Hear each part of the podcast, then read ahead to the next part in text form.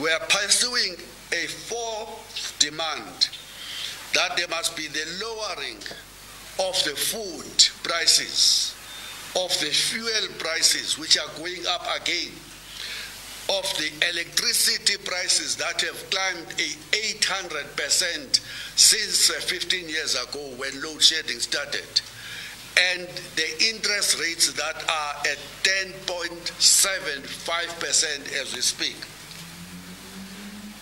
According to the studies, even of the other side, the First National Bank published a study that shows that even the higher middle class in society spends their income and finish it in three days.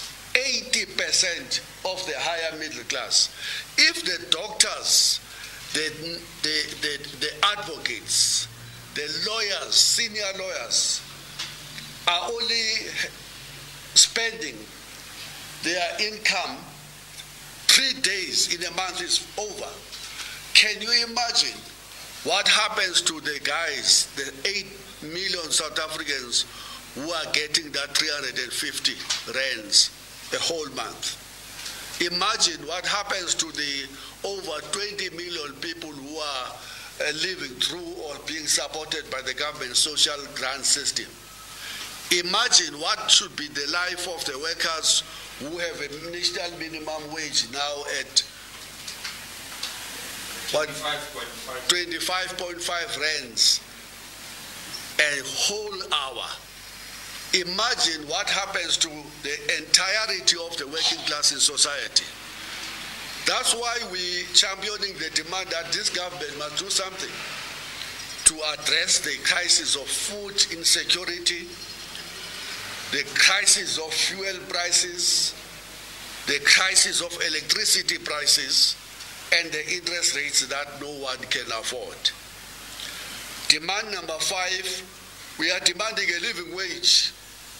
We believe that our country is wealthy enough to can afford to pay each and every worker at least a 72 rands per hour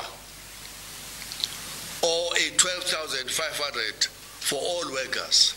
And I'm sure the people who are the 1% of the population that is occupying 45% of the wealth of this country are going to be the first one to say, but that their demand is totally unreasonable. It is unreasonable to them because such a demand will take us closer to a children and the elderly must be must be put into our history. Our criminal justice system has totally collapsed. If a criminal justice system, according to the police, this is now statistics of about four years ago or so, in that the police would have gone to parliament and told Parliament that we, the police, can only identify and arrest 48% of the people who commit crime in this country. 48%, meaning that 52% of the people who commit crime are never known, are never identified, are never arrested. Of the 48% that they arrest, they can only secure convictions in the courts of 15% of them. But they go further to say, of the 48%, or of the people who are accusing, who are being accused of raping, the police can only secure a 11% conviction rate. That's the source of the crisis in our country. But demand number, number seven is a demand for a just transition to move South Africa from fossil fuel based economy to the introduction of more renewable on the condition that not a single worker in the coal sector of the economy loses their job.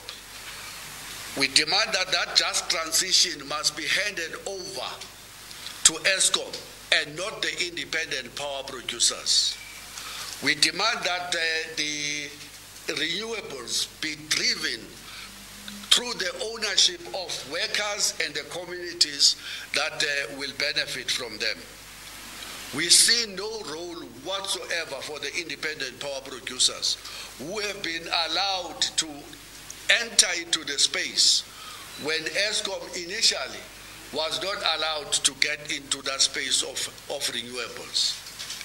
And that's why, as we speak, ESCOM is being collapsed and hollowed out in favor of these independent power producers. Demand number eight, we are demanding the renationalization of SASOL, of ISCO,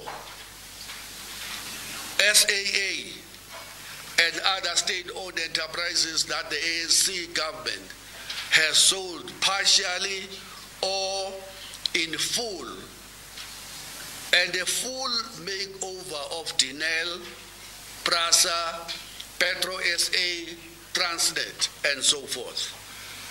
Neoliberals and the conservatives today will say, oh no, where are they coming from still demanding nationalization? They will forget that if it was not because of the nationalization of the white only regime from the 1920s, the, that white regime would have never resolved the crisis of white poverty in South Africa. And now that the black government is in place, the very same beneficiaries from or of nationalization are turning around to say, but nationalization itself is a swear word. It, nobody must talk about this unless they say you are mad. So they will say you are mad uh, as we are making this particular demand. They were not mad when they were building ESCOM to address the crisis of electrification then. They were not mad when they had Telkom to ensure that there is telecommunication. They were not mad when they created post office. They were not mad when they created the railway system and Transnet, or they were not mad when they created a Denel, a South African Airways, and you name them all. But now that the black government is in charge of our lives, they're saying to that black government, please sell all of these things to us because you cannot run them. Of course, the ANC government every day is proving to them that it, it cannot run them. But what is the problem? The problem is therefore not the ideology and the policy of nationalization. The problem is the ANC government that has discredited the whole idea of ownership of the economy or getting a government that can play a more active direct, direct role in the economy as a developmental uh, state. We are asking now a demand number nine that the, the government and the Reserve Bank in particular must reverse the budget cuts and increase government spending in critical areas of service delivery. All of us have in our own spaces as the working class pointed out that the response of the government to the world economic crisis of 2007 and 8 was through austerity, meaning that government decided, of course, instructed from Washington and New York by the rating agencies, World Bank and the IMF, that it must target a lower GDP and uh, to a debt ratio. Such that they look good in this uh, world casino economy. So government have been absolutely pursuing this goal of a low debt to the GDP since then. The price of achieving that is through cutting expenditure. Healthcare, education, policing, defense force, uh, uh correctional services centers, Department of Home Affairs, everybody across that delivers basic services is now having to contend with even lower levels of expenditure when the demand should be actually that we're spending more and more resources in the infrastructure to ensure that our people have something in their pocket that they can spend in this economy to build its engines and to, uh, to, to make sure that uh, the economy moves forward. We're demanding 10 that there must be an expansion of the public sector as a whole. The wages of the public sector workers must increase.